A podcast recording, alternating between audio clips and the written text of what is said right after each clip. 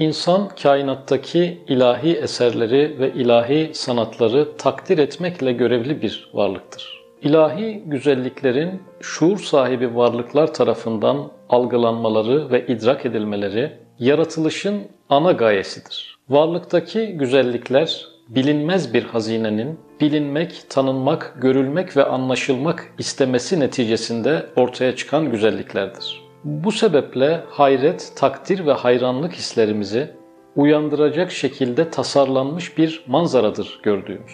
Akli güzellikler, hissi güzellikler, tabi güzellikler, duyusal güzellikler bu yüzden her yerdedir. Yaşam sisteminin varlık sahasına çıkarılmasının sebebi eserler karşısında iştiyaklı, hayret ve muhabbet duyan varlıklar meydana getirmek idiyse bu varlıkların da ebedi olmaları gerekir. Hayranlık, takdir ve beğeni hisleriyle ilahi eserlerin temaşa edilmesi, ilahi sistemin temel bir gereği ise bu duruma en uygun vaziyet yine insanın ebediyetidir. İnsan bu aleme cemali seyretmeye, hikmeti tefekkür etmeye, kemale hayran olmaya gelmiştir. İnsanın asıl vazifesi ve gerçek şerefi olan seyredip takdir etme görevi asıl ahirette başlayacak ve ebediyen orada devam edecektir. Görünürde insan ilahi servet, güzellik ve nimetlerin zayıf gölgelerine muhatap olduktan sonra aniden yokluğa karışıyor. Şayet ilahi eserlerin ana seyircisi ve takipçisi olan insan telafisiz bir şekilde yokluğa mahkum edilirse, şimdiki yaşamda sevgi ve güzelliğin kaynağını yansıtmaktan ziyade korku ve endişeyi yansıtan bir yapıya bürünür. Böylece yaratılışın ana gayesi tersine dönmüş olur. Eserlerin uyandırdığı hayranlık, saygı ve sevgi hisleri saygısızlık ve tepkiyle sonuçlanır.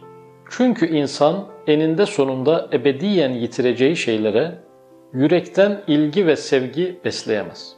Onlara bir daha erişemeyecek olmaktan kaynaklanan olumsuz hislerle dolar. Yokluğa mahkum olduğunu düşünerek yaşayan biri, ilahi nimet ve güzellikler karşısında hayret ve hayranlık duyacağı yerde onlara menfi duygular besler. Oysa gölge nimetlere şükreden gölge insandan asıl nimetlere muhatap olan hakiki insana geçişin sağlanması gerekir. Gölge nimetler üzerindeki perdeli tefekkürün yerini hakiki ve şeffaf bir tefekküre bırakması gerekir. İnsan ancak daimi bir nimet ve güzellikler dünyasına gidiyorsa, şimdiki her şeyin gölge ve tadımlık olması bir sorun değil, tam aksine bir üstünlüktür. Nimetlerin mütefekkiri, algılayıcısı, takdir edicisi, ilancısı, istek ve arzulusu en başta insan ruhudur. İşte bu sebeple sonsuzluk yolculuğuna, dolayısıyla ilahi nimetlere ebediyen refakat etmeye insan ruhu daha layıktır. İnsan ruhu uygun ve müsaittir. İlahi cemal, kemal ve şefkate ebediyen eşlik etmeye. Onların ayna ve ilancılığını ebediyen yapmaya. Zira insan ruhu ilahi güzelliklerin yüksek mertebede yansıyabildiği bir noktadır. İşin diğer bir tarafına gelince dünyadaki nimetler ahiretteki asıllarına ait numunelerdir. Şimdiki hayat adeta ahiret hayatının bir demosudur. Buradaki hayat gölge, oradaki hayat kaynaktır. Şimdiki yaşamın mecazi güzellikleri ahiret alemlerinin hakiki güzelliklerinin yansımalarıdır. Yeryüzü ahiret alemlerinin örneklerini, kesitlerini gösterip sergilemek üzere programlanmıştır. Bu anlamda dünya ahiretin vitrini sayılabilir. Dünya vitrininde ahiret nimetleri hakkında fikir sahip olunabilecek kadar nimet sergilenmiştir. Dünya yaşamının önemli bir fonksiyonu insana onun ana vatanı olan cennetin ilan ve tanıtımını yapmaktır.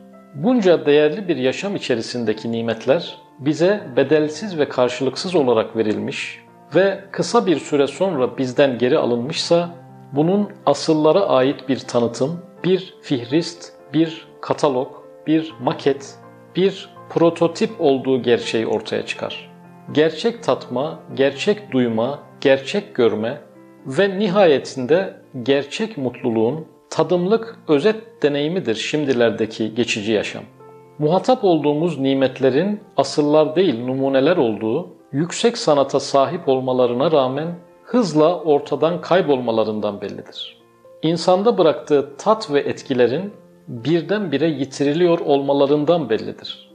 Yaşanan lezzet ve mutlulukların insanda hafızaya kaydetme hariç herhangi bir şekilde birikmiyor olmalarından bellidir. Sayısız nimetler karşısında insan yaşamının fazlasıyla kısa olmasından bellidir. Nimetler üzerindeki ince ve derin sanatlar onların kendi hakikatlerinden yalnızca birer yansıma, birer ışıma, birer temsil olduklarını gösterir.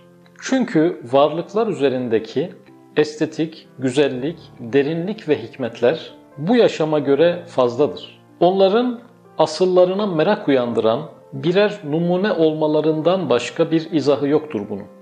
Varlıktaki her ilahi sanat eseri yücelerdeki aslının bir kopyasıdır. İlahi eserlerdeki ortak estetik yasalar onların ortak bir kaynağı, ortak birer aslı olduğunu da göstermektedir. Geçici, kısıtlı ve dar dünyada bu kadar çok nimet ve güzelliklerin sergilenmesi o eserlerin kök ve kaynaklarının tanınıp bilinmesi içindir. Cennet nimetlerinin kesitlerinin, fragmanlarının, numunelerinin, gölgelerinin dünyaya yansıtılmasının sebebi insanın asıl ve gerçek hayata karşı merakını celbetmek ve oraya ulaşma konusunda insanda ümit ve istekler uyandırmaktır. Ana vatanına dönme konusunda onu hareketlendirmektir. İşte bu sebeple buradaki kıymetli eserler, seçkin nimetler kendine doğru hızla gitmekte olduğumuz Has Saray'ın sanatlarından örnekler taşır. Maksat insanı bekleyen alemlerin güzelliğini ve özelliklerini ona önceden bildirmek olduğu için yaşam cennetin numunelerini insana sunacak şekilde tasarlanmıştır. Mesele insanın cennete olan alakasını şefkat ve sevgiyle uyandırmaktır. Hakiki ve bitimsiz saadet yurdu olan cennet yaşamına insanı kuru vaatlerle değil, bariz numunelerle çağırmaktır. Gölge olması bakımından bile dünya hayatı o kadar güzeldir ki bu güzelliklerin ahiret yaşamından geldiğini unutarak veya bilmeyerek yaşayanlar dünyanın bu haline büyük bir hayranlık duyarlar. Bakara suresinin 25. ayetinde şöyle buyurulmuştur. Onlara cennetteki meyvelerden biri her sunulduğunda bu daha önce de bize nimet olarak verilenlerdendi derler. O kendilerine benzer olarak verilmiştir. İşte insan dünyada ilahi sanat eserlerinin ve ilahi nimetlerinin kataloglarını görür. Onların iz düşümlerine ve kopyalarına muhatap olur. Ahirette ise bu kopyaların asıllarına muhatap olacaktır. Ve bu muhatabiyet ebediyen sürecektir.